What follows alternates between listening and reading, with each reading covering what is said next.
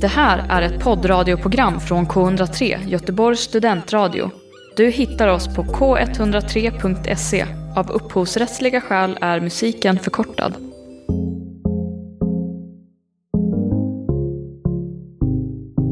Hej och välkommen till Lustarnas trädgård, en podd på K103 Göteborgs studentradio med mig Alva Rosengren. Och mig, Amanda Ekström. Ehm, ja, vad ska vi prata om idag? Vi får se lite. Ehm, men vi kan ju börja med att fråga hur det är med dig? Ja, eh, nej men det, det är bra. Jag är helt eh, slut idag som du märker. Mm. att jag är typ eh, efterbliven, men jag hoppas att det här går bra ändå. Eh, Ja. Nej men jag mår bra. Mm. Eh, någonting som har hänt mig i veckan är att jag var och besökte mitt kontor där jag ska sommarjobba. Mm. Eh, och eh, ja, men jag tyckte att det kändes, jag har innan känt så här, "Ah, gud vad jobbigt jag ska jobba och typ så här, vad hemskt det kommer bli typ. Och vad otrevliga alla människor kommer vara. Jag tror att jag var väldigt fördomsfull. Ja, Inte otrevliga hade jag inte tänkt, men jag bara så här, lite stela kanske. nej inte stela, att jag skulle vara stel, men- att de skulle vara plastiga typ. Eh, och det kanske de är, men eh, i alla fall så gav de ett gott intryck. Mm. Ehm, Fick du träffa typ andra sommararbetare? jag fick träffa en annan sommararbetare. Mm. Eh, eller, så det kändes bra. Jag ska jobba på som försäkringsrådgivare. Mm. Eh, och det var väldigt skönt att få se kontoret innan, liksom lugna nerverna lite grann. Ja, Men sen så har jag också tänkt typ så här, hur ska jag få sommaren att liksom kännas, eh, alltså vad ska jag ha för vibe den här sommaren? ja. Typ. För jag har inte jobbat, nu förra sommaren så jobbade jag natt på ett äldreboende och den Mm. viben var ganska speciell. eh, Ja, men det blir skillnad när man börjar på ett kontor. liksom. Alltså så här, mm, det finns ju ändå någon riktlinje typ, ja, av hur man precis. ska vara. Ja.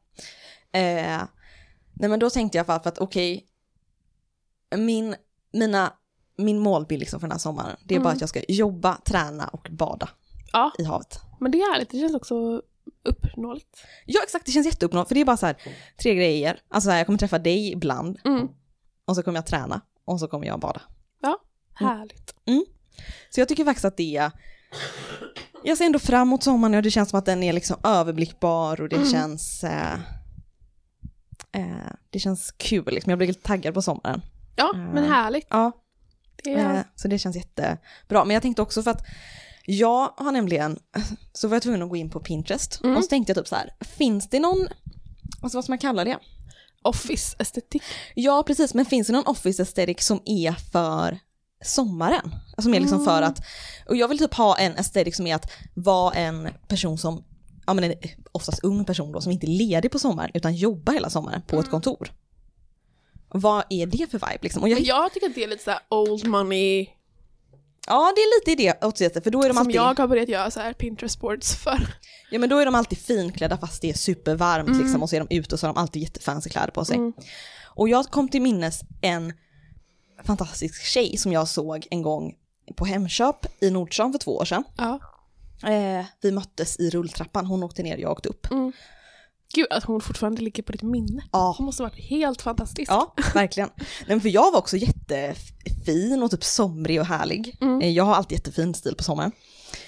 Eh, men då var jag typ så här, hon hade däremot, det här var typ i juli tror jag, och hon hade liksom en typ svart kostym, liksom och en vit skjorta och så här. Mm. Eh, och typ ganska mycket smycken och var, men hon var jättesnygg. Och då Mm. tänkte jag bara typ så här, gud du är den enda i typ hela Göteborg, alla bara går runt i sina sommarkläder, vilket ju är jättefint, Mm. och eller ibland kanske inte så fint. Men så var det typ så här, gud vad coolt att typ vara så här klädd för, typ att så här, hon jobbade typ i, jag vet inte, något jättefancy. Ja, för typ konferens liksom. Ja, precis. Så det, hon är min inspiration. Mm. Att typ inte bli avundsjuk när typ jag ser att andra går runt i, nu kommer jag säkert också kunna ha sommarklänning på jobbet, men när andra går runt i typ badshorts, att jag kan vara så här, ja, är det jävla pöbel som inte jobbar typ.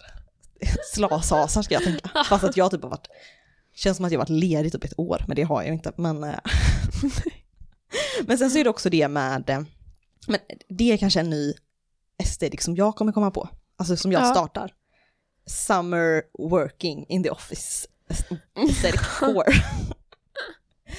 Men sen tänkte jag också att en annan grej som är just när man ska sommarjobba är ju att allting man hör är ju typ så här, snart går vi på sommarlov, alltså i olika poddar eller så här, Mm. folk man följer, att snart är det sommar, snart är det semester, bla bla bla. Ja. Men så kan man ju inte alls relatera till det. Nej. Nej, det är Eh. sant. Ja, och det är ju lite, Men så är det ju för typ alla som är studenter. Nu kanske Ja. vissa som är studenter jobbar inte heller, men jag i alla fall har jobbat varje sommar. Alltså, Ja, de flesta år, jobbar så ju liksom. Mm. ja. Men det kan ju vara lite eh, tråkigt. Men jag tycker ändå det Ja. känns eh, ganska bra. Mm. Mm, klick. Ja. nej men så det, Mm. Det är det som har hänt mig och att jag ju har börjat springa otroligt mycket. Mm. Jag sprang fem kilometer idag. Shit. Ja, på löpbandet. Gud. What the fuck. Ja. Men jag, dock så springer jag fortfarande inte på, för jag har googlat på typ så här, men hur snabbt eh, som man ska springa fem kilometer liksom. Mm.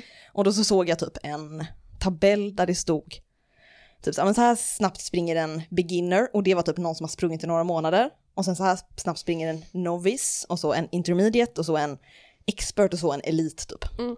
Eh, och jag är fortfarande inte uppe på beginnersnivån, men, näst, men nästan beginnersnivån. Hur, långt, hur snabbt är det då?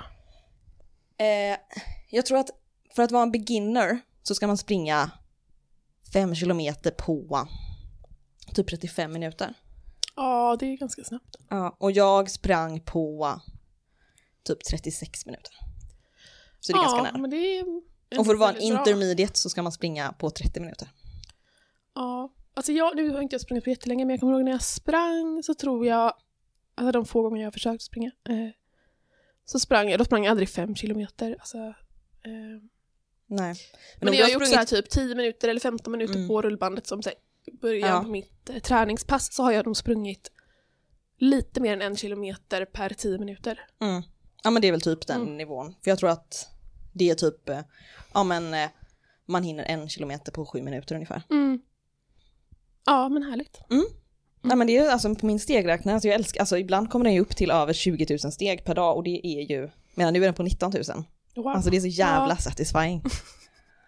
Jag, kanske ska, jag har ju funderat på att köpa en sån, jag kanske ska göra det bara för att få upp eh, mina steg typ. Ja men jag tror, alltså jag tror att det hjälper mig jättemycket, det är jättemotiverande. Ja. Alltså det är jättekul att se det, tycker jag. Ja, så att, eh, ja. ja, det är alltid är bra, jag tränar och allt är bra. Fast jag har ganska mycket plugg som jag har kvar att göra. Fast terminen Men är det slut. klarar du också. Ja, det tror jag. löser sig. Ja, hur mår du? Jag mår bra.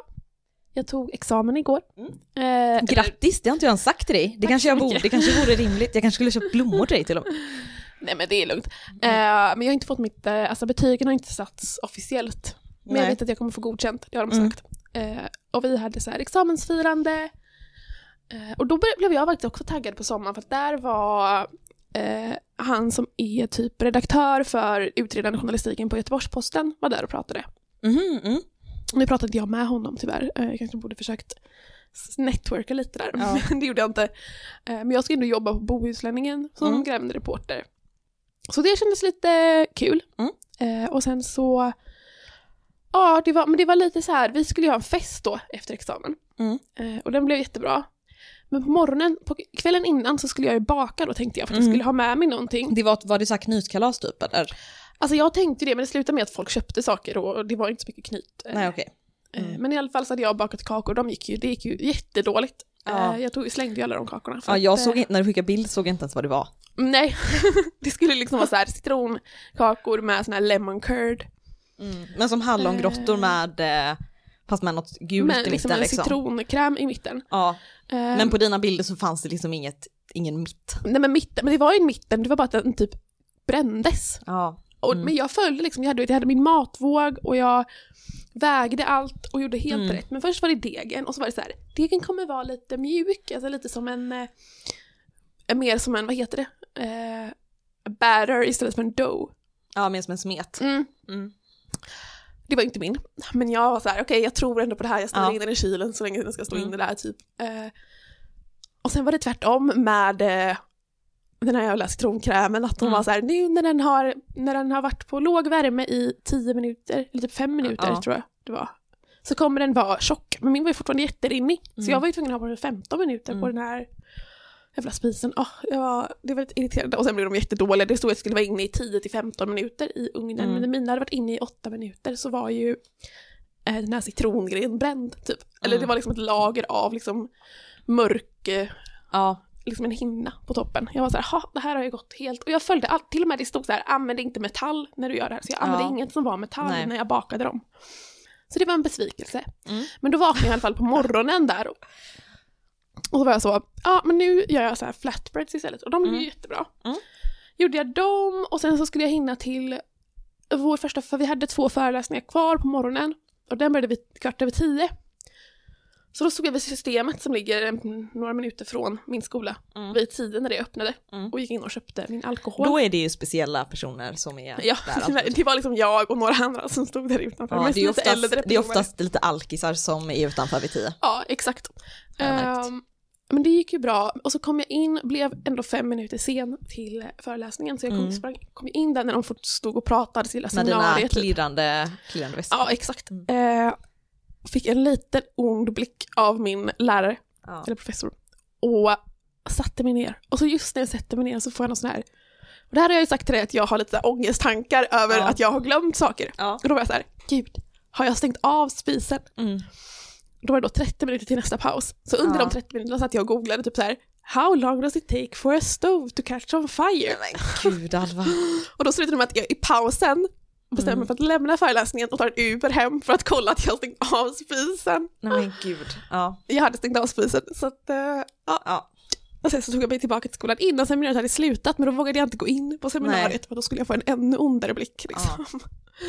Eh, så det var ju lite, Men du borde ju typ befrienda en granne som typ så här hade Ja, kunnat ja. gå in och kolla åt dig. Mm, men då, jag skulle skämmas mycket över att det är stökigt i mitt eh, Ja. kök. Ehm, men jag var ju tvungen, alltså jag var ju tvungen att åka hem och kolla det, för hade jag glömt och sen så hade kom inte jag hem förrän typ vid två på natten. Nej. Så då hade det ju brunnit upp. Mm. Typ. Men det var ju tur att jag inte då vet jag det till nästa gång att jag inte behöver vara så orolig. Nej. Det var också det att vet, när jag började åka tillbaka och satte mig på spårvagnen för att åka tillbaka till seminariet, Mm. så jag så, har jag låst dörren? Gud. Ja. Men då struntade jag i den tanken i alla fall. Mm. Eh, Men annars, förutom det så var det en väldigt bra dag. Mm. Kul. Och jag känner mig väldigt fin. Så Mm. att, eh, det var en jättebra dag, tycker Mm. jag. Jag är väldigt glad att det är så mycket färg i världen. Mm. eh, Och så. Så ja. Vad härligt. Och Ja. vi har varit i Dalsland också. Men jag vet inte om vi var idag, sen om det var... Jo det var vi väl? Är du säker på att det är det? Ja vad skulle Var det det varit inte annars? Västra Götaland? Nu ska vi tänka. Det var i eh, För jag tror det stod Vi var i Västra Ta- Götaland. Tanums kommun. Ja. Det ligger i Västra Götaland. Ja, vi kanske inte var i Dalsland. Ja, nej. Gud har jag ljugit? Men, det vi måste- var ju vid norska gränsen i alla fall och det är nästan lika coolt. Ja, Det måste ju verkligen. också varit nära gränsen till Dalsland. Ja det måste det ju varit. Nära gränsen både till Norge och till Dalsland. Vad är coolare? Jag vet inte. Nej. Och vi hittade ett jättecoolt övergivet litet, eh, liten handel. Ja det Den var helt... gillade jag väldigt mycket. Ja och jag trodde vi skulle bli Hemsökta. hemsökta Jag är glad att jag in inte, jag vill ju ta en souvenir med mig från där, men det är jag Mm. glad att jag inte gjorde. För Ja. eh, Då tror jag att jag, då tror jag att min lycka som jag har haft det senaste skulle backfire. Ja, precis. Nej men det var Mm. läskigt. Men jag kände mig väldigt... Eh, alltså när jag kände mig som mest, eh, vad ska man säga, som en vuxen kvinna. Mm. När jag går, kör en bil, Mm. stannar vid en affär och typ så här ska gå ut och handla och så har jag liksom ingen handväska eller något utan jag måste liksom bära typ min telefon och min plånbok i handen. Ja. Alltså då känner jag mig som en jävla och det hände ganska många gånger och det är Ja. fantastiskt. Mm. Sen så fick jag ju, jag är inte jättevan bilförare.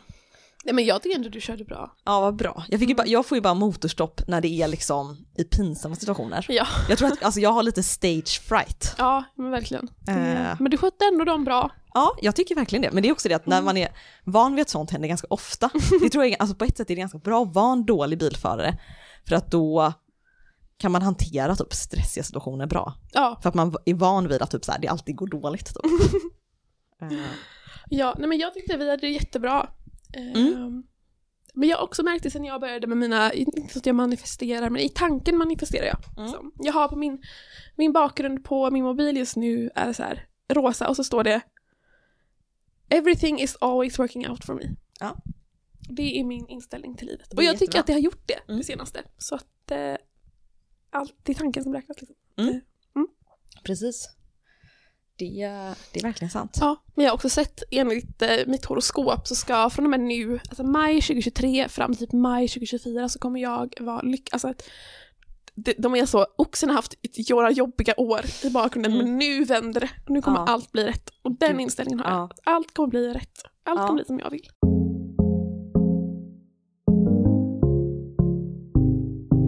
Men jag har också börjat äta kött. Det är inte så intressant för de andra. Men det är Eh, ändå, jo, det är en ganska, alltså vad är det som har gjort att du slutade bli vegetarian? Jag tycker det är ändå ganska intressant. Eh, Ja men jag tror bara att jag, jag har ändå funderat på det här i några så här månader du vet, för jag har under de senaste typ året vet, haft Mm. några gånger där jag har typ ätit en skinkemacka Mm. eller så. Och, eh, jag tror det bara är att jag har liksom ingen anledning längre till Alltså ja, miljön är jätteviktig, ja det är väl klart jag bryr mig Mm. om djurs rättigheter. Men jag känner inte samma liksom, eh, När du blev vegetarian så var det för att du inte tyckte att man Ja. ska äta djur. Exakt. Ja. Och det tycker jag väl kanske i teorin nu. Men inte, jag har liksom inte lika starka känslor för det. Nej. Alltså jag förstår ju tankesätt, alltså där, Men då tycker du väl inte så längre? Att man inte ska äta, för då kanske du tycker att ja, man kanske ska äta inte så många djur, men att så här, Nej men du vet, alltså så här, frågar man vem som helst är det så här, är det bra att djur dör för att vi, dör för att vi ska äta det? De flesta skulle väl säga nej det är väl inte så bra. nej bra och bra, men det kanske är typ så det är. Ja, exakt. Så, För det är, det är inte så att man går antagligen från att tycka att det är men däremot kanske man inte heller säger, om man då äter kött kanske man inte heller tycker att det nödvändigtvis är jättedåligt. nej Så exakt. här, det är nog ingen som tycker, okej vissa tycker, fine som äter kött, tycker att det är jättebra att vi äter kött och äter döda Mm. djur. Men jag tänker så här, ganska många som äter kött tycker väl också bara så här, ja men det är, det är ju sorgligt men det är så det är. Typ. Mm. Ja. Nej men det är väl det, jag har liksom inte någonstans, jag brinner liksom inte, alltså så här, och det är ändå liksom du vet när man är på ställen ska man tänka vad kan jag äta typ Mm. speciellt, ja men det kanske är det mycket att jag så här under, för jag har ju varit vegetarian sedan jag var 14 Mm. så det är ändå 10 år. Ja, det är Eh. jättelänge. Men när jag började då var det mycket mer att folk var vegetarianer som jag hängde med. Mm. Det var liksom inte så stort typ. Nej. Eh, för att det, vi, jag åt nästan alltid vegetariskt liksom. Mm. Eh, men nu, och speciellt, jag, ty, jag tycker jag har märkt det nu den senaste, den senaste veckan när jag har då Mm. ätit kött typ. Mm. Eh, ändå att jag lagar mer mat typ. Alltså, Mm. Ja, för att alternativet är Mm. liksom inte, för att om man äter kött, det enda man kan äta som inte är lagat är ju typ skinka. mm, Men annars om man ska äta någonting med kött så måste man ju ställa sig och tillaga det. Medan Ja. med vegetariskt så kan det mycket mer vara att man bara äter kall mat som är liksom Mm. så. Ja det känns bara, det känns bättre tycker jag. Mm. Eh, och bara insett hur gott kött är. Ja, det är väldigt gott. Jag har fortfarande inte ätit någon köttbit och det har jag alltid sagt att jag inte saknar. Men jag vet inte, jag kommer smaka på det och vara så här. Wow. Ja, jag tror det faktiskt. Jo, men det tror jag faktiskt du kommer göra. Eh, så ja, det, det är det som har hänt i mitt liv. Mm. Men det tycker jag är en ganska stor grej. Mm. För jag slutade ju äta eller jag började äta kött igen för eh, i sommar är det ju eh, två år sedan. Mm. Och det var ju för att jag läste att ett bra tips för att få mer lust i sitt liv är att känna efter så här. Vad är jag sugen på att äta? Liksom, så Mm. man verkligen typ så tänker för att liksom få reda på exakt vad man själv vill i olika Mm. situationer. Och man brukar ju söka på rutin eller bara så här Mm. slentrianmässigt liksom. Eh, Så var det typ så här, då skulle man vara så här, men tänk efter verkligen vad vill jag äta? Liksom typ till frukost eller till lunch eller whatever. Mm. Och då var jag väl typ så här, ja men jag hade verkligen velat äta kött. Alltså det var alltid Mm. kött, det var typ mycket bacon, jag åt mycket bacon och stekte Mm. bacon och typ sånt då i början. Eh, nu äter jag, alltså jag äter inte jättemycket jag, men det äter, jag äter inte jag- kött, jag äter kött mest om jag är hemma hos mina föräldrar. Alltså Ja. själv äter jag kött väldigt sällan när jag lagar mat. Nej, men, jag eh, tror också det att jag kommer ju fortfarande, tror jag, äta ganska mycket vegetariskt. Alltså mer än medelmänniskan tror jag. Ja men för grejen är att För jag har så mycket vegetariska, speciellt jag var ute, har ju massa vegetariska rätter som jag vet att jag gillar. Mm. Nej men typ om man är ensam, som vi är, Mm. ensamstående. Så typ om man ska göra köttfärssås och man vill göra en portion och man köper hem en sån här, eh, då är det mycket lättare att göra den på sojafärs än att göra den på eh, fläskfärs för att den kommer ju i en sån paket som att man måste antingen typ ta ut först och så frysa in, alltså det kommer inte någonting i en portionsstorlek Mm. i kött liksom. Så då måste man frysa in det och sen typ om man vill då vill göra en till portion så måste man liksom tina det medan med typ sojafärs så går det ju så mycket enklare om man vill göra en spagetti köttfärssås på Ja. portion typ. Mm. om man inte ska göra matlådor eller laga mat till fyra personer liksom. Mm. Så att, eh, ja, det är ganska mycket bekvämlighet i Ja. det. Ändå. Ja. Mm. Så vill du börja prata med något eller ska jag börja? Jag kan se vad jag har. Mm. Jag tror att mina är lite svagare. Ja men en grej som jag har tänkt på, och som jag också har sagt till dig Mm. tidigare, men som jag ändå tycker är en märkbar skillnad i mitt liv som har bland annat kommit, jag tror att den har förstärkts med TikTok, Mm. men ändå så här växt fram mycket i, med de senaste åren i mitt liv, Mm. av att liksom följa mycket influencers och sådär. Eh, att jag, liksom, men speciellt med TikTok typ. Jag skulle säga så här, de senaste åren, att följa inf- influencers skulle jag säga har gjort att jag känner mig att typ så här, vara en ung kvinna typ. Att det Mm. blir en starkare identitet för mig. Mm. För att det blir så mycket av det man får i sitt flöde och det som man ser att typ, ja men de sakerna som man intresserar sig för. Ja men jag har fått, ja men jag har ändå fått ett, ett jag vet inte, jag kommer inte ihåg hur jag var när jag var typ så här 17 men jag tror att jag bryr mig mycket mer om kläder och smink idag. Mm. Fast att jag egentligen, jag brydde mig om det då också men bara det att jag kanske var på ett annat eh, sätt. Men det kanske också är att din stil är, är Mer nära en Ja. ung kvinna, vilket är då norm, alltså det handlar ju om normer liksom. Ja, Eh, men, men både du och jag var ju någorlunda alternativa när vi var 17. eh, och då tror jag inte man känner sig, det blir nästan det alternativa över att vara ung kvinna ja, i stilen. Liksom. Exakt. Mm. Ehm, men dels det, men också som egentligen var min liksom, början av min tanke var Mm. ju att eh, ja, men från TikTok så kommer det ju liksom det är låtar som trendar som är i bakgrunden på Ja. klippen. Eh, och jag har ju inte, ja men sen jag var väldigt liten och kanske typ lyssnade på radio eller något, så jag har inte gillat typ hits så mycket, alltså typ såhär, det som går på radion eller typ såhär, jag har inte lyssnat på liksom, på många år har inte jag lyssnat på musik som är såhär, men det här lyssnar mainstream, det här är mainstream-musiken, det har inte jag lyssnat på Mm. liksom. Men nu har jag ju börjat komma mer in i det. Mm. Eh, Okej, jag lyssnar fortfarande inte på typ så här jättemycket mainstream-musik själv, utan det känns som att jag lyssnar mer på typ, jag lyssnar på typ soft house själv. Ja, du lyssnar inte på pop gör du inte? Nej, jag lyssnar mycket på, jag lyssnar fortfarande på ganska konstig musik, men för att vara jag, det som är med TikTok är att jag liksom börjat få koll mer på vanlig mainstream-musik. Mm. Och det gör mig också jättemycket connectad till ung kvinna Mm. och till unga personer i allmänhet. Och det tycker jag är så himla kul för att jag tycker att det känns som att nu känner jag mig mycket mer typ som en ungdom, vilket jag är ju, fyller ju 24 i år, alltså jag vet inte, det kanske är ett dåligt tecken. Det är typ som att så här, när man, ja men nu känner jag mig mycket mer som en ungdom än jag gjorde än när jag var typ 18. Mm. Men sen kan det också vara det här med att, du vet, när man börjar typ uppskatta någonting för vad det är, Mm. då har man typ lämnat det. Alltså vet du vad jag Ja. menar? Typ så här, åh, typ, säg att man typ ska ta studenten om en månad och så är man typ så här, gud vad jag älskar min skola, typ så här. Mm. Fast man, det är precis i slutet. Ja, men jag tänker alltså, jag håller med den här känslan. Jag känner mig också mycket mer som en ung kvinna nu. alltså när man är 17 kanske man inte är en ung kvinna. då är man Nej, man kanske inte är det. Man är inte det. Man är inte en ung kvinna Men, heller. men jag tycker fortfarande jag håller med om det här att jag känner mig mycket mer normal och att jag uppskattar det mycket mer. Jag tror att när jag var, bara ta min musik, alltså jag lyssnar fortfarande på hyfsat mycket samma, eh, men jag lyssnade väl på mycket mer alternativ då tror jag än vad jag gör nu. Mm, Alltså mycket mer typ punk och rock mm, då. Eh, Medan typ, jag lyssnade ju typ på Taylor Swift då. Eh, då också. mm. Men det var verkligen inget jag hade visat upp för folk. Nej. Eh, Medan nu, ehm, så jag är alltså så här, Ja. och jag bryr mig liksom inte så här, och det jag tror att när jag var i tonåren liksom så låg bara att vara så här ung tjej låg så himla långt bort för mig. Eh, Mm. Och jag kände liksom att så här, det så här, idealet som finns för tjejer, det var så långt bort och jag skulle aldrig komma dit. Men alltså nu tycker jag så här att ja, men jag uppskattar det, jag uppskattar att vara Mm. ung kvinna och den identiteten mycket mer. Ja, Ja. precis som du säger, att den är mycket närmare. Liksom. Ja, och jag undrar, alltså dels, ibland tänker jag typ att så här, det kan vara det här med, men det är för det jag pratat lite grann innan om också, det här med Mm. ton, alltså bilden av att man har av att vara tonåring typ. Ja. Att jag tror att egentligen den fantasin man har om att vara tonåring när man är typ 12, 13 Mm.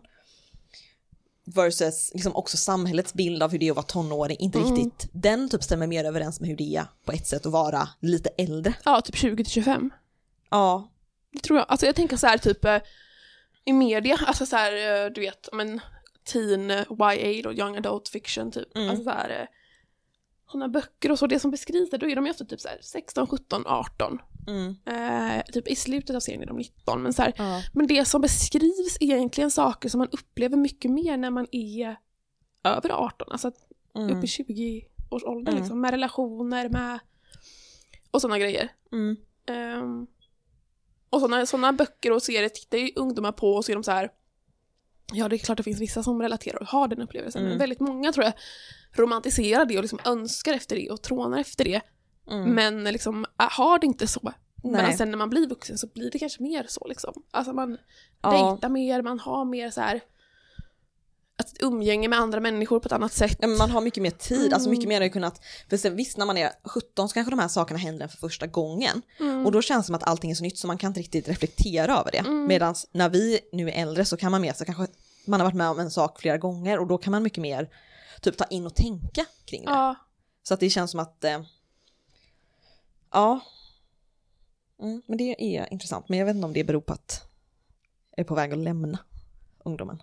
Men typ på något sätt för att då men kan man se tillbaka det, på en tid. jag ser, alltså vi kanske tror att vi håller på att lämna och inte är unga kvinnor längre, men folk beskriver sig som unga kvinnor när de är 27, så det Ja, jag tycker jag inte är Ja. sant. Liksom. Jag tror att vi är liksom verkligen liksom i, i, just i mitten av att vara ung kvinna. Ja, fantastiskt. Jag tänker bara, jag har sett den här, börjat se på andra säsongen av den här Thunder in my heart av Amy Mm. Diamond. Hon är ju 24 i den Mm. serien. Mm. Eh, och den handlar ju, den tycker jag fångar en så Ja. realistisk bild av att vara Det var otroligt. Det, jag har ju bara sett första halvan av ett, eller typ ett avsnitt. Mm. Men det var ju verkligen, Ja, men den är lite ångestframkallande. ja. Eh, Nej men för jag tänkte, också, mycket. Eh, ja, får se om jag kan hantera det. Men där är det nästan mer, inte så mycket så relationer ung kvinna som är jobbet, utan familjerelationer mer. Ja. Eh, ja men det är också nu har intressant. inte jag upplevt något som hon Nej. upplever den, men hon, Vad händer det med henne? den karaktären har ju liksom ingen kontakt med sin pappa, Mm. hennes föräldrar är skilda och Mm. hon, hon och hennes mamma har liksom blivit psykiskt misshandlade av Oj, gud. Ja. deras pappa, Mm. eh, eller hennes pappa. Eh, Mm. Och så handlar det mycket om hennes yngre bror som är typ åtta tror jag, Ja. och de har en vårdnadstvist. Och där hamnar ju hon i mitten av det, även om hon bara vill Mm. hålla sig så långt borta från sin pappa Mm. som möjligt. Att, eh, och det är inget jag relaterar till där, men, eh, Mm. men man ser ändå det här liksom... Jag tycker den, ska, den skapar ju en sån rund bild av att vara ung kvinna, att det inte Mm. bara är så här festrelationer och så, utan Nej. det är verkligen finns så många Mm. olika problem som kan påverka den och jag tycker att alla karaktärer i hela den serien liksom har så olika och man ser hur de bär på sina osäkerheter, sina trauman och hur det påverkar deras vardag. Mm. Ehm, på ett väldigt eh, ärligt sätt tycker jag, som Mm. inte syns i andra Nej, eh, serier. men det, det kan jag, jag ska verkligen försöka kolla på den Mm. igen. Jag ska ge den en, alltså det var inte att jag stängde av för att den var dålig, absolut inte. Mm. Eh, eh, nej men vet du vad jag också tänkte på? Jag tänkte på Mm. när jag var 18. Mm. Då tänkte jag på det, för då åkte jag efter studenten, då var jag, skulle jag fylla 19, men efter studenten så åkte jag till Spanien i typ fyra månader på Mm. folkhögskola, eh, på sån här spanska kurs liksom. Eh, och så tänkte jag på det att jag var ju yngst där, och det var ju en hel del av de personerna som var som vi är nu, liksom 23-24 typ. Och då tänkte jag så här, de personerna så vitt jag vet, de hade inga examen som vi har. Nej. Eh, Mm. jag, vet så här, jag tänker bara så här, ifall jag nu skulle åka på en sån folkhögskolegrej fyra månader i höst, Mm. alltså jag förknippar det väldigt mycket med att vara i kris. Att då, men ifall jag skulle ha det som att det vill jag göra nu i Ja. höst, då skulle jag nog känna att typ så här, jag är i ett väldigt liksom instabilt läge. Mm. Och då tänker jag så här, alla, när jag tänker tillbaka då på alla de som var i den åldern Mm. och som sökte så tänker jag typ så här, ja de var nog, eh, för att det krävs ju någonting med att man är bara typ så här, jag måste bara hitta på något annat, jag är så trött på mitt liv, Mm. bla bla bla. Och så vissa av dem, fine, kanske var så här, ville typ flytta till Spanien och hade lite mer så här seriösa, eller vad man ska säga. Ehm, men jag kan verkligen inte tänka mig själv nu att jag idag skulle vara så här, i höst vill jag göra en sån sak. Ja. Och det tycker jag ändå är lite intressant. Att så här, och jag är glad att jag var 18, 19 när jag gjorde det. Alltså jag tyckte det var jättekul då. Men Ja. idag hade jag in, alltså idag vet jag inte ens, I don't know, jag hade inte tyckt att det var, Nej, men jag vet inte, jag tror att det bara är att man är väldigt olika i det märker jag speciellt när jag pratar med dem i min klass nu när vi har tagit examen, liksom, vad ska man göra efter det? Alltså Mm. många är ju så här, kommer jag jobba som journalist, det vet inte jag. Och så känner jag ju också så här, så jag vill Mm. försöka journalistyrket men vad det kommer ta mig vet jag inte och jag vill ju Nej. ganska mycket plugga efter sommaren också. Eh, att man, man är så olika punkter liksom och man, de Mm. flesta i vår ålder tror jag inte har någon så stark bild av så här, det här vill jag göra, det här Nej. vill jag bli, det här. Nej. Mm. Precis. Nej men det tyckte jag var ganska, jag tyckte det var ganska skönt när jag tänkte på det, att jag kände Mm. att så här, och jag har också gjort det där, för de kanske inte hade gjort något sånt innan Mm. liksom. För det var någon som hade typ pluggat en, hon hade ju en examen i ekonomi liksom från Handels i Stockholm och hade Mm. Känt att det här var helt fel för henne när hon typ hade tagit examen och Mm. var 25 och åkte ner till Spanien och gjorde det. Och det kommer förhoppningsvis inte hända mig då. Liksom. Och det var ju jättekul för henne såklart att åka dit och så. Mm. Så att man kan ju gå alla vägar i livet. Men jag bara kände så här att, ja men jag bara fick den insikten av att dels är att det är ganska stor skillnad på att vara 18 och precis tagit studenten och att vara i vår ålder. Mm. Och att så här, för jag minns att jag hade en, eh, en som jag bodde med, han sa typ så här att ja men jag tycker det är jättecoolt att du så här vågar åka ner själv och är typ så här, han var ju bara ett år äldre än mig Mm. ändå. Men, eh, men då tänkte jag bara så här, men va, det är väl, det är väl inget alls något konstigt med det. Alltså jag bara så här, ja men det är klart jag gör det liksom. Mm. Eh, sen tror jag att det är för att jag alltid varit typ lite impulsiv. Men, eh, ehm, eh, men nu kan jag ändå fatta det, att man kan tänka det om en person som är så här precis flyttat hemifrån typ. Mm. Alltså, ja. Ja. Så att eh, det var, ja men gud man är så himla liten när man precis tagit studenten. ja, Alltså verkligen. så liten. Mm. Herregud det är så sjukt. Ja. Och jag tror att det är just folk i vår ålder som ser det. För att jag tror att när Mm. man är, typ när man, du vet föräldrar, alltså så här, Ja de tycker att man är stor ändå på något ja, sätt. eller bara så här, folk över typ 35 blir Ja. så här 18, då ska man ju ut i jobblivet och man ska Mm. ju liksom, och så man bara så här, men man är så liten när man är 18. Mm. Alltså Mm. de tror ju att 18-åringar är typ 24 Exakt. Ja. Och det är de inte. och det får man också mycket insikter av. Ja, Men jag tänkte på det, alltså, för att än så länge i livet, när vi tänker tillbaka på vårt tidigare liv, nej vårt tidigare jag, eller vad man ska säga, Ja. en själv genom livet liksom, Mm. då kan vi ju alltid tänka så här, typ, oh, gud vad, ah, om jag typ, för nu föreställer jag mig själv just typ så här, vad skulle jag tycka om jag träffade mig själv när jag var 18 och jag Mm. bara, oh, gud, jag, vad, jag har inte varit umgås med dig typ. Ja. Eller det kanske jag faktiskt hade velat.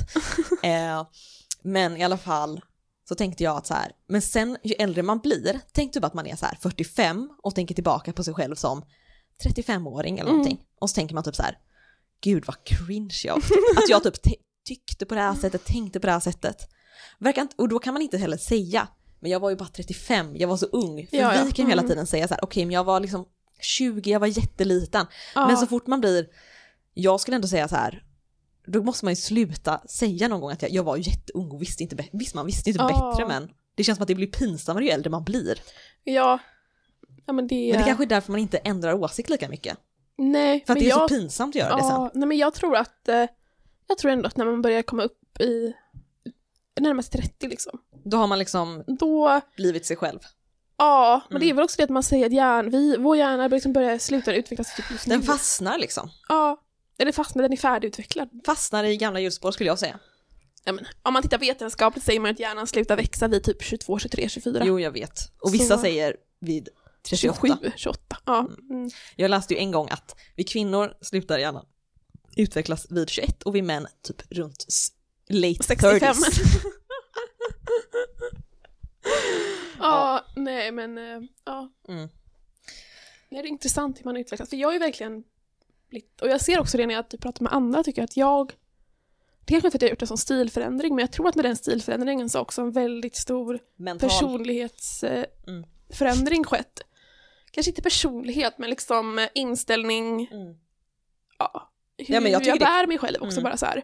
Eh, skett och, du vet, vissa tittar man på, eh, de har så här bilder när de är 17 och nu typ, när de är 25. Mm. Och det är liksom, ja du är äldre men du är ju samma person ser det ut som liksom. Mm. Och så tittar jag på mig själv bara, jag känner knappt igen mig själv liksom. Nej. Alltså, gud. Mm. Precis. Ja. Ja. Men det beror på typ, vissa personer är ju bara mer bland. Ja, exakt. De har aldrig en, de har aldrig en stil liksom. Mm. Mm.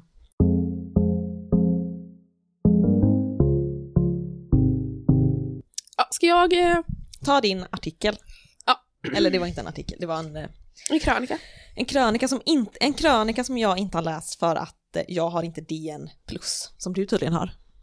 Rich bitch, nej vad ska jag? Jag har bara DN tror jag. Jaha okej, ja, ja. Men jag har inte DN, jag har inte DN. Nej, det är väl därför. Eh, men den eh, heter, den är av Erik Helmersson. En, det är en ledare faktiskt. Eh, och så heter den, eller titeln är Går det alls att torka av ett matbord för att glädja någon som inte vill ha sex med en? Mm. Eh, och det är egentligen inte hans egna åsikter han pratar om i texten, utan han pratar om sin vän Hannes. Mhm. Och de har liksom en konversation om eh, mycket med relationer typ. Eh, eller om kvinnor kanske speciellt. Mm. Eftersom de båda är heterosexuella män. Mm. Jag kan läsa bara första lilla paragrafen, den är inte så lång, Mm. på den här. Eh, och då står det Vännen Hannes skakar på huvudet så kraftigt att det går vår- vågor i Pernodglaset i hans hand. Det var så länge sedan jag befann mig i ett heterosexuellt förhållande att jag nästan glömt bort hur sorgliga kvinnor, hur störiga kvinnor kan vara, säger han.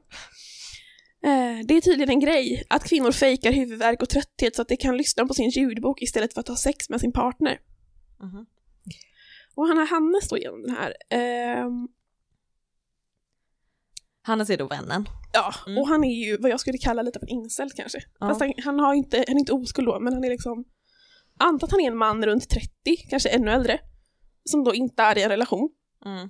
Ehm, och som, den handlar liksom om det här diskussionen om män och deras hushållsarbete, Mhm. eller då Mm. icke-existerande hushållsarbete kanske. Ja.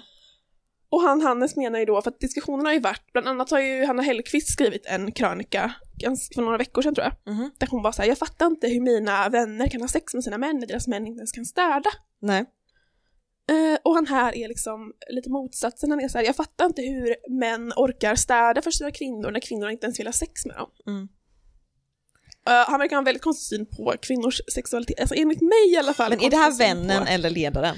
det är vännen. Okej. Mm. Ehm, Vännen, alltså det låter ju som att det är en påhittad vän.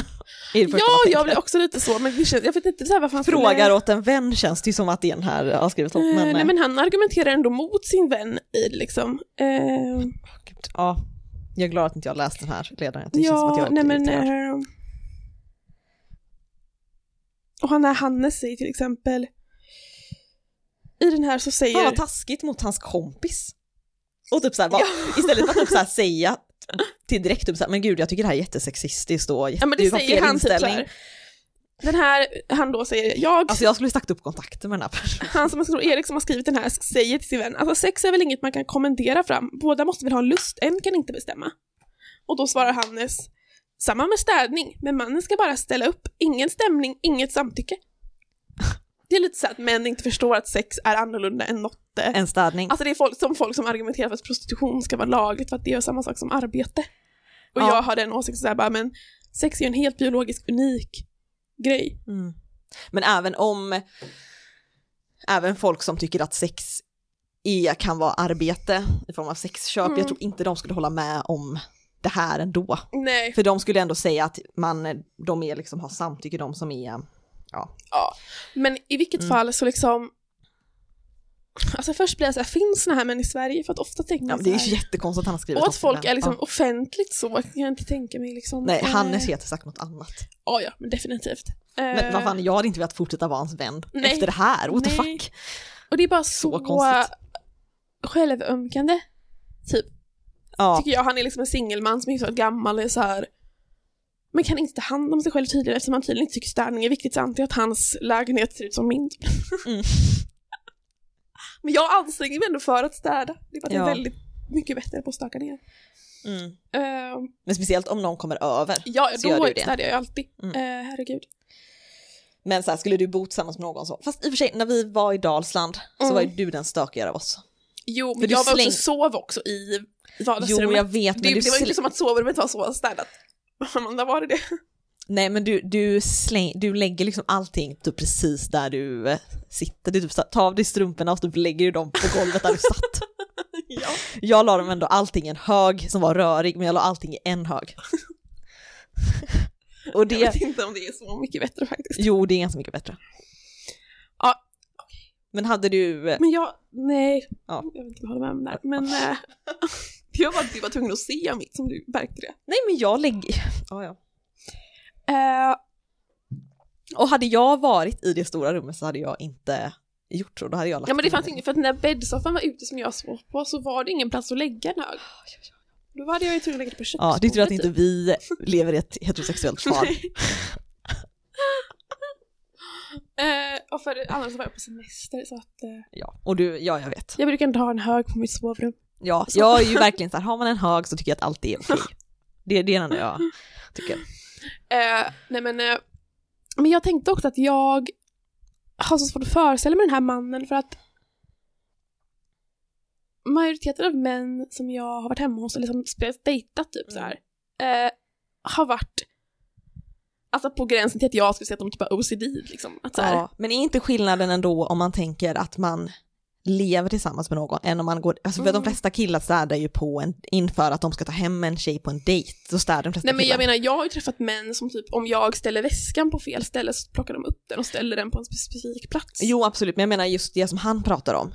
ja. Jag tänker att det är ändå skillnad för att så här, skulle han ta hem typ så okej nu tar hem en dejt, så skulle kanske även han städa. Mm. Men det som Hanna Elfqvist pratar om, nu har inte jag läst den heller, men det kanske ändå Mm. handlar mer om, inte att typ så här, tjejer kommer hem till en kille på sin tredje dejt och är Nej. typ så här, allt är stökigt överallt, vi har ändå sex, utan mer att Mm. jag har städat hela veckan, överallt, vi har ändå sex på fredagskvällen, Mm. typ. Ja. Ja, nej men jag vet inte, jag tycker bara så här den... Eh, ja men det kanske är en tanke jag har, och det är det här, vi håller ju på och pratar mycket i Sverige om så här, eh, sexualkunskap typ. Alltså bara Mm. typ slutet förra året så blev den ändrad, alltså. För övrigt såg jag nu att jag Kurser. har ju visst lagt mina, jag la mina strumpor här precis. Ja, exakt. ja men kurs, eh, kursbeskrivningen av sexualkunskap är förändrad, Ja. det ska vara nya liksom, mål och så. Mm. Vi pratar mycket om så här, att unga, unga ska få bättre av det. Och då tänker jag att man gör det för att de påverkas av porr och det blir mer negativt. Mm. Men jag är så här, men det här, den här utbildningen borde ju nästan alla män ha. Jag tänkte jag märkt det tidigare, för män är ju tydligen, även om de är typ 40. Men man kan ju inte ge 40-åriga män obligatoriska undervisningar. Nej, men man får komma på något annat liksom. Ja. Ja, jag vet inte. Det är bara Men det är väl det jag tänker GVF är. Att det är liksom som, jag Ja, tycker ja. att det är, en, det är Mm. en sex och samlevnadskurs för hela svenska folket. Jo, men det är men säkert mest tjejer som kollar på det, men jag tror att många par kollar på det. Eh, ja men typ som han, eh, vad heter han i den... Eh, de som är lite, lite tråkiga paret. Fred, Stina och Fredrik heter de så? Ja, han Mm. Fredrik när han inte bara så tar ut hennes laddare utan tar ut den, rullar ihop den och lägger den i en låda. Ja, det var ju Det är, sinnessjukt. men det är sådana män som jag tycker att jag har dejtat. Ja, jag har aldrig träffat eh, någon Eh. sån person överhuvudtaget faktiskt. Ja, nej men ja. Ja. Så det kanske bara är att jag har en killtyp som, Ja, men killar kanske är allt eller inget. ja exakt. För att då gör de det till typ att så här, det är superviktigt att det är städat överallt. Eller så är det typ så här. Ja. Fast, men jag tycker att jag har träffat många personer som är, både män och kvinnor som är helt normala när det kommer till. Men det är väl just så här, jag har ju aldrig bott ensam tillsammans med en man liksom. Mm. Eh, och eh, Nej, inte jag heller.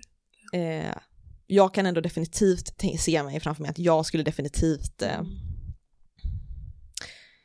eh, Ja men jag, jag vet, det beror nog helt på vilken typ av man man är. För jag skulle säga, jag är ju inte heller egentligen en jätteordningsam person kan man inte Mm. säga.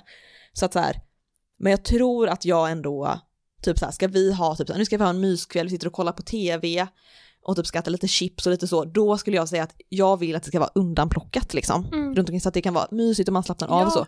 Och det kan jag tänka mig någonting som en del män kanske inte tänker så mycket på, att så här, det Mm. spelar liksom inte jättestor roll just i, vilken, i den situationen, för de kan ändå koppla av typ, men jag kan inte riktigt koppla av och typ så här, nu ska vara jättetrevligt Mm. om det är stökigt runt omkring. Nej. Eh, men eh, ja, det är ju ett helt sjukt sätt att, eh, men han argumenterade emot ändå den här krönikören. Ja. Mm. Alltså han, men det var inte så mycket, det var ju alltså hela krönikan, det var inte krönikan, ledaren var Ja. mer, mest deras konversation lite så här. Ja, Ja. Jag kanske var, jag kanske inte fattade poängen han hade med jag vet inte. men poängen var väl att han tyckte att hans kompis var korkad antar jag. Ja, kanske. Ja. Men vad hade Hanna skrivit? Att, eh, Men Hanna hade skrivit eh, en krönika som hette, nu ska jag kolla. Jag fattar inte hur mina vänner kan ligga med sina män. nej, Eh, och så står det, det pågår ett krig om hushållssysslorna i många svenska hem.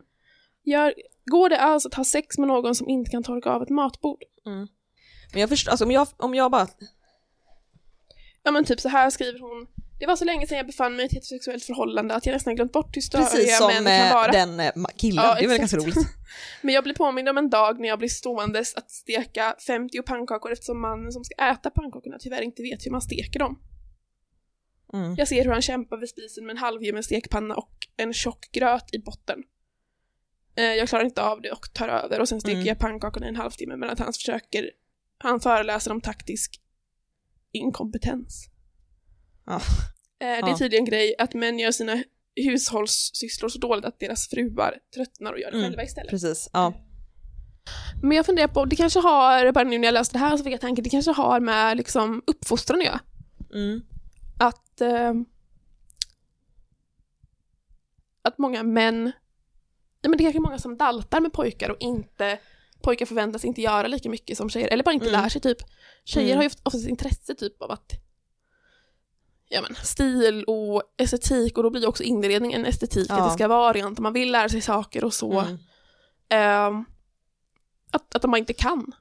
Man har lifestyle som intresse Ja. liksom. Mm. Ja men typ så här, typ när man är liten, till exempel jag kanske var så här, ja men 12 år och bara så, åh jag har sett de här muffinsen som jag vill baka, typ jag Mm. provar baka dem.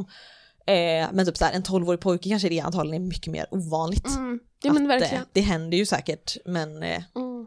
det är nog ganska, ja. Ja, men jag vet inte, ja, det är också inte min... För det, jag det kan ju bara jämföra med min bror då, att min bror är ju minst lika, kompetent som du. ja, Mm. verkligen. Så jag vet inte. Ja. Men det kanske är för att ni är tvillingar. Ja, Så jo, då har det alltid varit, en ganska eh, jämlik uppfostran mm. tror jag. Det kanske är Hyfsat så alla barn, alla borde ha tvillingar. Mm. Ja. Nej men... Äh, Men det känns som att män som tycker om att laga mat är ju typ så här, då gör ju de det till hela sin identitet. ja, då blir de liksom kockar. Ja, medan Mm. typ så här, jättemånga kvinnor kan laga god mat men de gör inte det till en Mm. jättestor grej typ.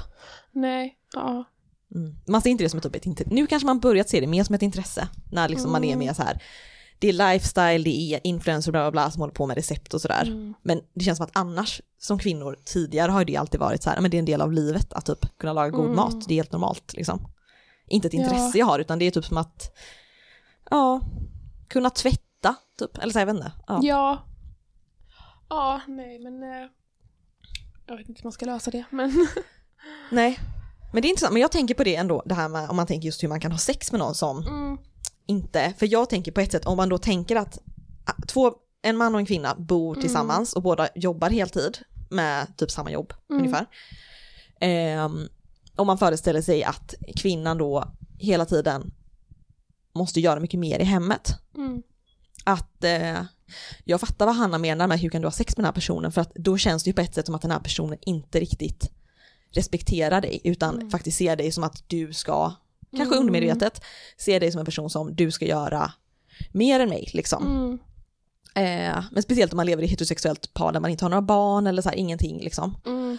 Eh, då fattar jag verkligen det att så här, ja hur kan man då ha sex med någon som inte ens verkar respektera en överhuvudtaget. Mm. Eller Men- överhuvudtaget, jag ska inte säga så. Men eh, inte det lite respektera, det inte verkar riktigt se en som en likvärdig person på det sättet. Kanske något väldigt Nej. djupt rotat och hur kan man då ha sex med en sån person? Det är ju egentligen en, Men kan inte, det kanske inte handlar om respekt, det kanske bara handlar om att de inte ser det som sin uppgift typ.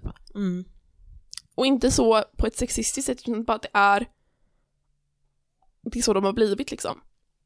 Men jag tänker i alla fall, i den här krönikeledaren så säger han, Hannes, Hannes pratar ju liksom om det som att, eh, Hannes är då vännen, eh, Mm. ja men som att, varför ska jag göra det om hon inte ens orkar ha sex för hon fejkar att hon inte orkar och vill lyssna på en ljudbok istället. Mm. Och där blir jag så här, men den lösningen på det är ju typ om du tar mer hushållsarbete så kommer inte hon vara lika trött Nej. och inte ha huvudvärk. Hon Nej. kanske inte behöver både tvätta, diska Nej men då kanske hon laga mat. får mer egen tid så hon kan ta e- egen egen tid till att lyssna Ja. på sin ljudbok och sen ha sex så att inte hon måste antingen ha sex eller ha egen tid. Ja, exakt. För att ja. han har antagligen egen tid och sen Mm. vill han ha sex medans har man noll egen tid så kanske man Mm. prioriterar det liksom. Ja, nej men eh, verkligen. Ja. Mm. Nej, jag var bara lite förvånad. Det är liksom inte den, jag fattar ju den diskussionen men eh, Ja, jag man började tänker tänka på det mer när jag läste den här för att Ja. då fick jag plötsligt en bild av en man som tyckte så typ. Mm. För annars har jag mest hört kvinnor som pratar om att deras män inte gör det. Och Mm. jag, mm. Mm. Men jag vet inte. intressant. Dock låter ju Hannes som en påhittad person typ. Ja. Som typ såhär, jag måste skriva en ledare och typ hitta på.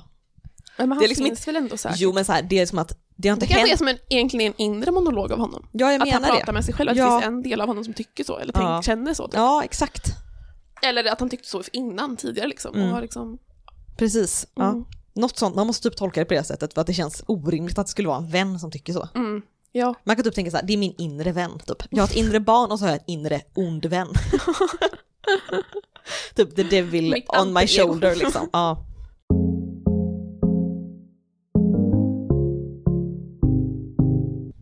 Okej, jag har en liten grej jag vill säga. Mm. Eh, så, lite grann, apropå det vi pratade om i förra podden, om, eh, ja, men om man tror på det andliga och liksom spirit, ja, vad Ja. man tror på sådär liksom. Så jag har tänkt på en sak, att för mig så ligger det väldigt nära och har egentligen, jag tror alltid gjort ganska mycket ändå.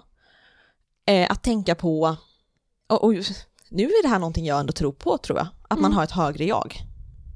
Ja. Eh, Men inte det en ganska så här, psykologisk eh, tro också? det, kanske är, det kanske är det, det kanske är därför, det kanske är bara Mm. psykologi. För jag tänkte på det här att väldigt mycket som jag känner då att jag har hört ändå genom åren, inte från typ mina föräldrar direkt utan men mer så här att det är något allmänt jag kan prata, någonting jag, ett begrepp liksom jag har Mm. hört genom mitt liv där, your higher self, bla bla bla. Ja men visst det kanske bara, det Men kanske är är, det typ som, är det, när du säger higher self eller högre jag, är det som en idealversion av dig själv eller är det som ett överjag? nej det är inte som ett överjag. Nej. Mm. Eh, det är som, the higher self är liksom din egen, för mig så skulle jag säga eh, att det är, inte, för, mig- jo för mig är det så här personligen, eller så här, men det som jag ändå har hört om, när jag har hört folk prata om högre jaget så har inte jag Mm. tänkt att det är något psykologiskt utan jag har tänkt som att det finns en själ, min själ i liksom sin sanna form, Mm. som inte är människokroppen utan i sin sanna form, den vill, den typ så här, vill att man, allting ska göras utav kärlek till exempel och aldrig Mm. utav rädsla typ. Eh, och det känns som att jag har, ja men så här, det är någonting som ändå har, jag kanske inte har tänkt på det så mycket genom mitt liv liksom på ett sätt, men det är ett begrepp som aldrig har varit nytt för mig. Utan Mm. jag har känt att typ, okay, men det här begreppet känner jag mig, eh, som att jag fattar vad det betyder. Till skillnad från typ så här om man pratar om Jesus dog för våra synder eller någonting, då Mm. känner jag inte riktigt att jag connectar det Nej. riktigt. Eller så här, jag vet inte. Ja. Ehm, men så tänkte jag på det att det är så himla kul nu från i vintras när jag läste min kurs The Occultism Mm. in the Modernity och fick lära Mm. mig om Alistair Crowley. Mm. Eh, och han var en gubbe liksom på 1800-talet, typ, slutet av Mm. 1800-talet. Alltså jag måste bara, side note typ. Ja. Eller, när jag hör namnet Crowley så tänker jag ju bara på Supernatural för då är det liksom en demon som heter Crowley. Ja. Som är som en, en karaktär då, Mm. i en människokropp men en Mm. demon. Ja, Mm. anyway.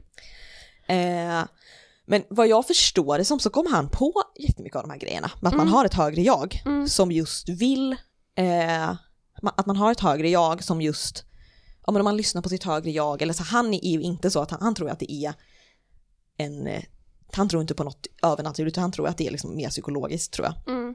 Men jag tycker ändå att, och det förklarar han då att om man följer sitt högre jag så kommer, det är liksom det man ska göra, man ska hitta vad ens högre jag vill Mm. och ska man göra det och att liksom inga av våra intressen, typ säg att vi har liksom ett, båda vi känner typ så här att ah, men vi vill verkligen äta den här kakan, Mm. men vi, vi kan inte båda äta hela den här kakan, Mm. du och jag liksom. Då är det så att antagligen så vill en av oss vill inte på riktigt äta kakan. Mm. Eller så kanske ingen av oss vill äta kakan. Liksom. För att enligt hans teori så är det ju så att om alla i hela världen följde sitt inre, sin inre vilja liksom, så hade det inte funnits några konflikter för att Mm. allting skulle funka söm, sömlöst. Mm. Eh, Men jag bara tänkte på det att det, det här med ett högre jag och så, så det är ett så himla, nu vet inte jag, det kanske kommit, fanns tidigare än honom, alltså who knows, men det är så himla sjukt ändå att det är ett så himla vedertaget begrepp och att allt det bara kom, kom en gubbe på typ. Mm. Och typ så här, det känns ändå som att det är en så spridd, alltså religion säger jag nu med så här, vad säger man, quotes. Ja. Men eh, jag bara tänkte det, det är ju helt eh, sjukt ändå att det som han kom på då, liksom skrev en bok, är så jävla spritt. Mm. Men inte det så här mycket... The Law, vad är det, The Law heter boken, eller typ The Law of the Law. Eller Men så tror jag Ja. det är mycket så här typ folk som kommer på saker och skriver så här, du vet, och grejer. Mm. Alltså mycket saker som, och speciellt när de blir stora och folk håller med, så är det liksom tankar folk har haft och Mm. som finns hos många, men det är bara att den personen sätter ord på det Ja. och formulerar det på ett sätt så att det kommer ut Mm. i världen på riktigt. Mm. Ehm, Ja, så kan det nog vara. Precis. Nej, men för jag tycker det är... Alltså vem fan bryr sig om det är sant eller inte liksom? Det skadar väl ingen att jag eh, tror på det. Liksom. Nej.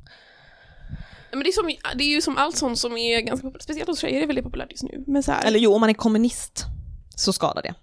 Ja. Eftersom att just det här för att det är absolut inte därför att, att det finns, om man tror att det egentligen inte finns några intressekonflikter till exempel, såklart Mm. att det, om man har ett materiellt eh, synsätt på världen så stämmer ju inte det. För arbetarklassen och överklassen är alltid i konflikt. Men eh, om man inte är kommunist så stämmer det. Eller kan stämma. Ja, men då kan man ju prata om, om det, Man är med- om det om pe- mellan individer eller mellan grupper. Nej, men det är mellan, mellan hela, hela samhället. Alltså han Ja, menar ju mm. att eh, eh, ja, men det är ju en väldigt sån new age grej att tro på att så här, vi kommer gå in i en ny era när Mm. vi inte finns några konflikter längre för att alla kommer inse, bli så spirituellt utvecklade Mm. att vi kommer inse att nej men jag kanske inte behöver tio bilar. Det kanske jag faktiskt, mitt Ja. egna högre jag kanske inte behöver att vi ska åka till Thailand. Och så där, då kommer det inte finnas någon miljöpåverkan för att alla bara inser att så här, vad jag Ja. behöver är egentligen inte, det är inte det jag vill typ. Men jag skulle kunna säga, jag kanske skulle köpa det om köpa det att det skulle kunna vara så. Men jag köper inte på att alla kommer kunna hitta sitt higher self. Nej men han, det, är, det är nog en ganska lång process av att Mm. liksom hela mänskligheten ska liksom gå igenom en, det är liksom en lång process av att alla människor ska göra det. Liksom. Metamorfos. Sist. Ja, Mm. det är liksom en, som den sista delen i evolutionen, att Mm. eh, vi har liksom evol, ja, evolutionen har tagit oss fram hit och nu är Mm. nästa steg i evolutionen är på det spirituella planet. Eh, ja, det här kanske inte är så himla allmänt, det kanske bara är jag som är crazy. Det här kanske inte är så allmänt, men det är en väldigt Ja. spridd tanke ändå eller? Mm. Ja, jag vet inte. Det kanske Jag jag, inte. jag är uppväxt i en hippiefamilj, vad kan man säga? Kanske är därför. jag vet att min mamma pratade lite grann om sånt här när jag var liten, så att, eh, Ja, det kan vara det. inte. Jag började bara tänka på så här, det som jag har tänkt på senaste med mina manifestationer och så. Mm. Ehm, en, en som jag följer är Liz the Wizard, har du? Nej, Hon är liksom, Är det på TikTok hon är eller är det på här, nej, men hon är på YouTube mest. ah, okej. Eh, och hon gör, hon pratar liksom om hur man blir den bästa versionen av sig själv. Mm. Och så typ en video jag såg av henne, du vet hon är så här jättesnygg, har jättefixat hår, du vet, typ säkert fillers och grejer och är väldigt så här snygg och lyckad. Ehm, och hon pratar mycket, det är mycket så här, typ självhjälp för tjejer typ, eller Mm. motivation för tjejer hon pratar Mm. om. Och så är hon så här, mm, till skillnad från du vet sådana som är så här, ah, om du vill ha den här kakan så ät den här kakan. Så är hon så här, Ja. ja men du vill bli så här, du vill, det här är Mm. ditt mål. Så här tror du att du är den bästa versionen av dig själv. Mm. Då måste du leva så som den bästa versionen av dig själv gör. Precis. Så typ när du är så här, åh jag vill gå ut och festa, eller jag vill så här, Mm. göra det här, eller nu har jag en ledig dag, vad ska jag göra då? Så ska du fråga dig själv, inte vad vill jag göra, utan vad hade den bästa Mm. versionen av mig gjort? Mm. Typ gått till gymmet, eller Ja, lagat någon nyttig mat istället för att typ beställa hem mat. Eller Mm. alltså så här, verkligen inte gå efter den liksom, intuitiva känslan som du Nej. har just nu. För just nu är inte du den bästa versionen av dig själv. Utan tänka Nej. om jag blev så som jag vill vara. Mm. Om jag nådde mina mål. Om jag var den liksom, ideala versionen av mig själv. Vad hade jag gjort då? Mm. Och då hade, om Putin hade frågat sig det här, hade jag startat krig om jag var den ideala versionen av mig själv? Nej, kanske inte. Nej, exakt. Liksom. För hade han varit den ideala versionen av sig själv så hade han haft lite mer självförtroende. jag. Exakt. Lite mer trygg. Ja.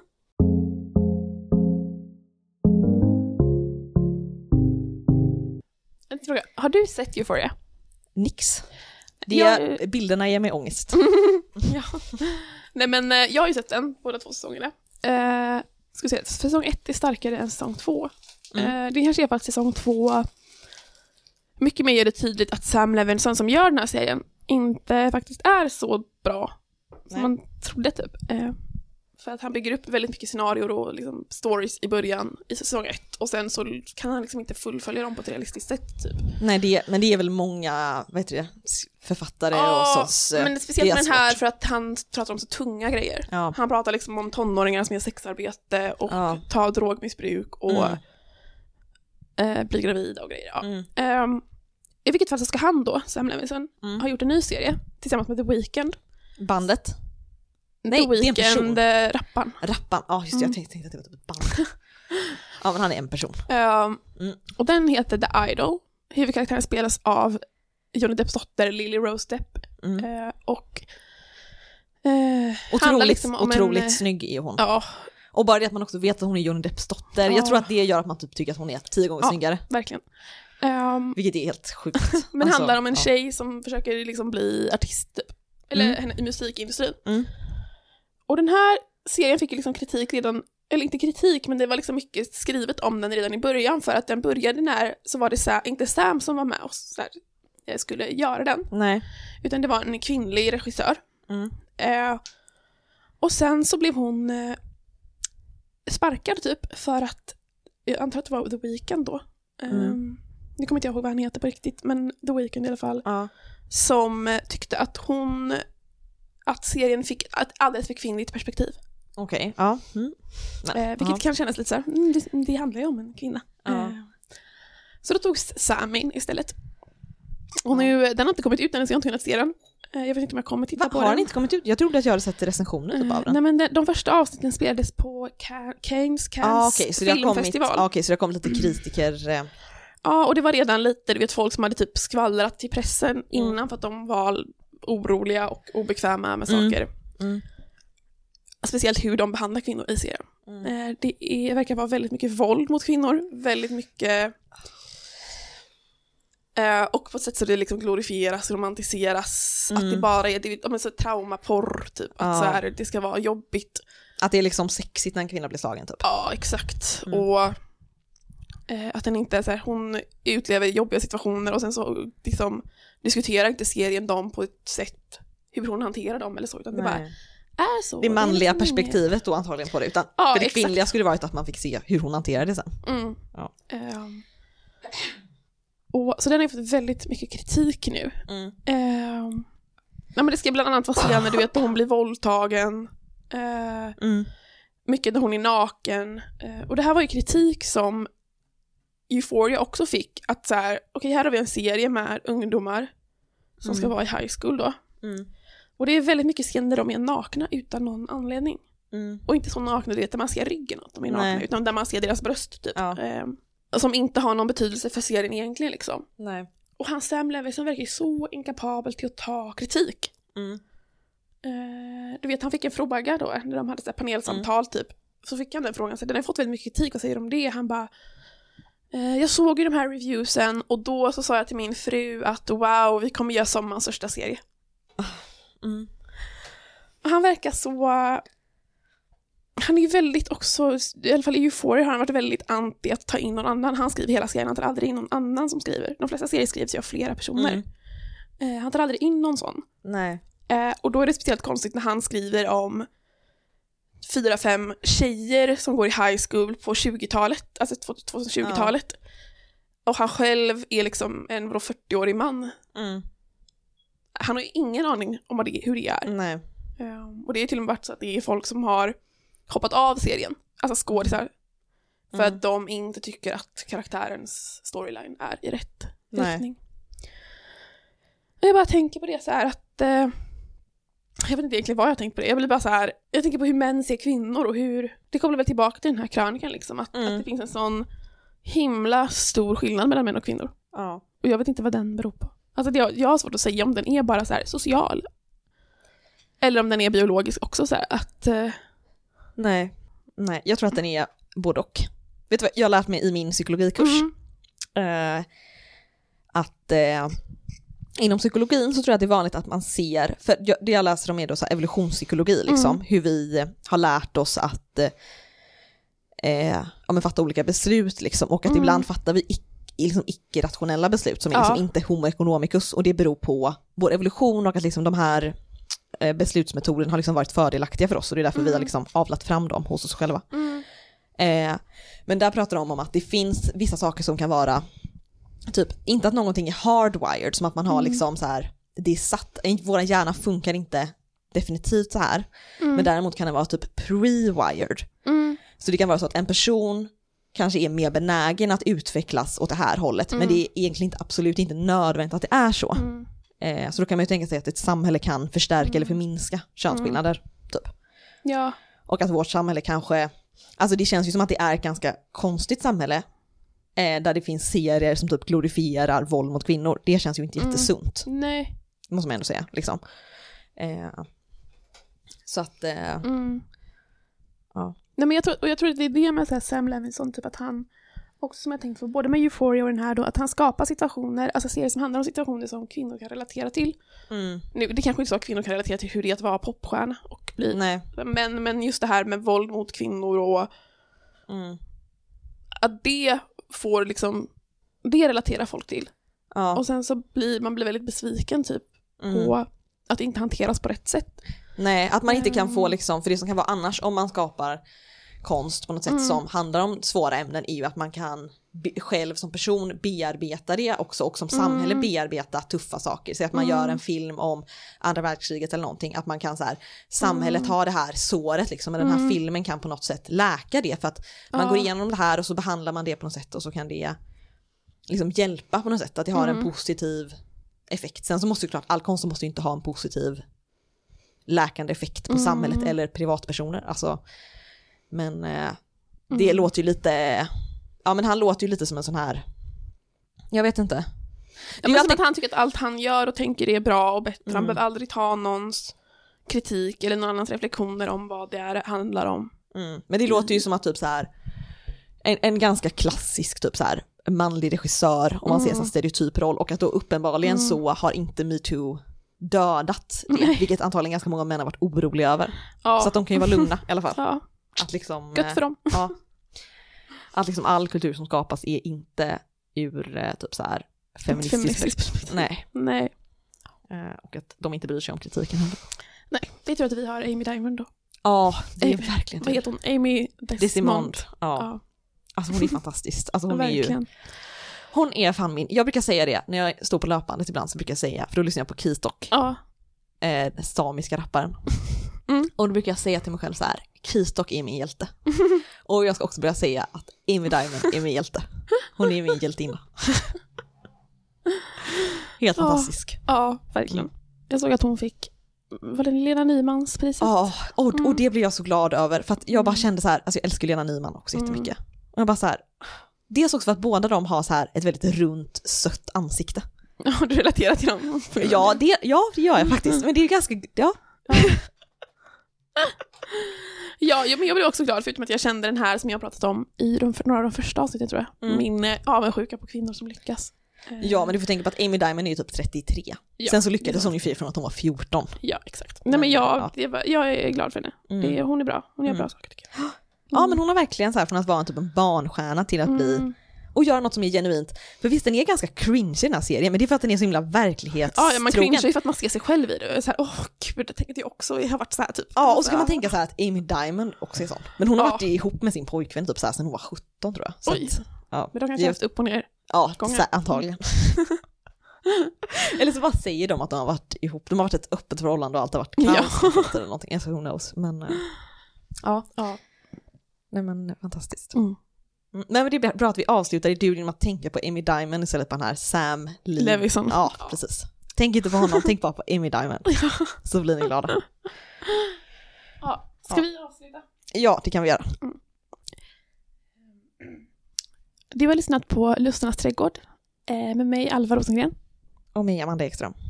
Eh, vi är förhoppningsvis tillbaka om två veckor. Vi får se Ja. lite hur det blir i sommar. Eh, men i vilket fall så tack för att du har lyssnat och vi Mm. hörs. Kram!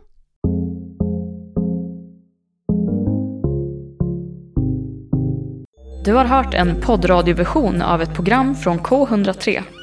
Alla våra program hittar du på k103.se. Följ oss gärna på Facebook eller på Instagram. Vi hörs!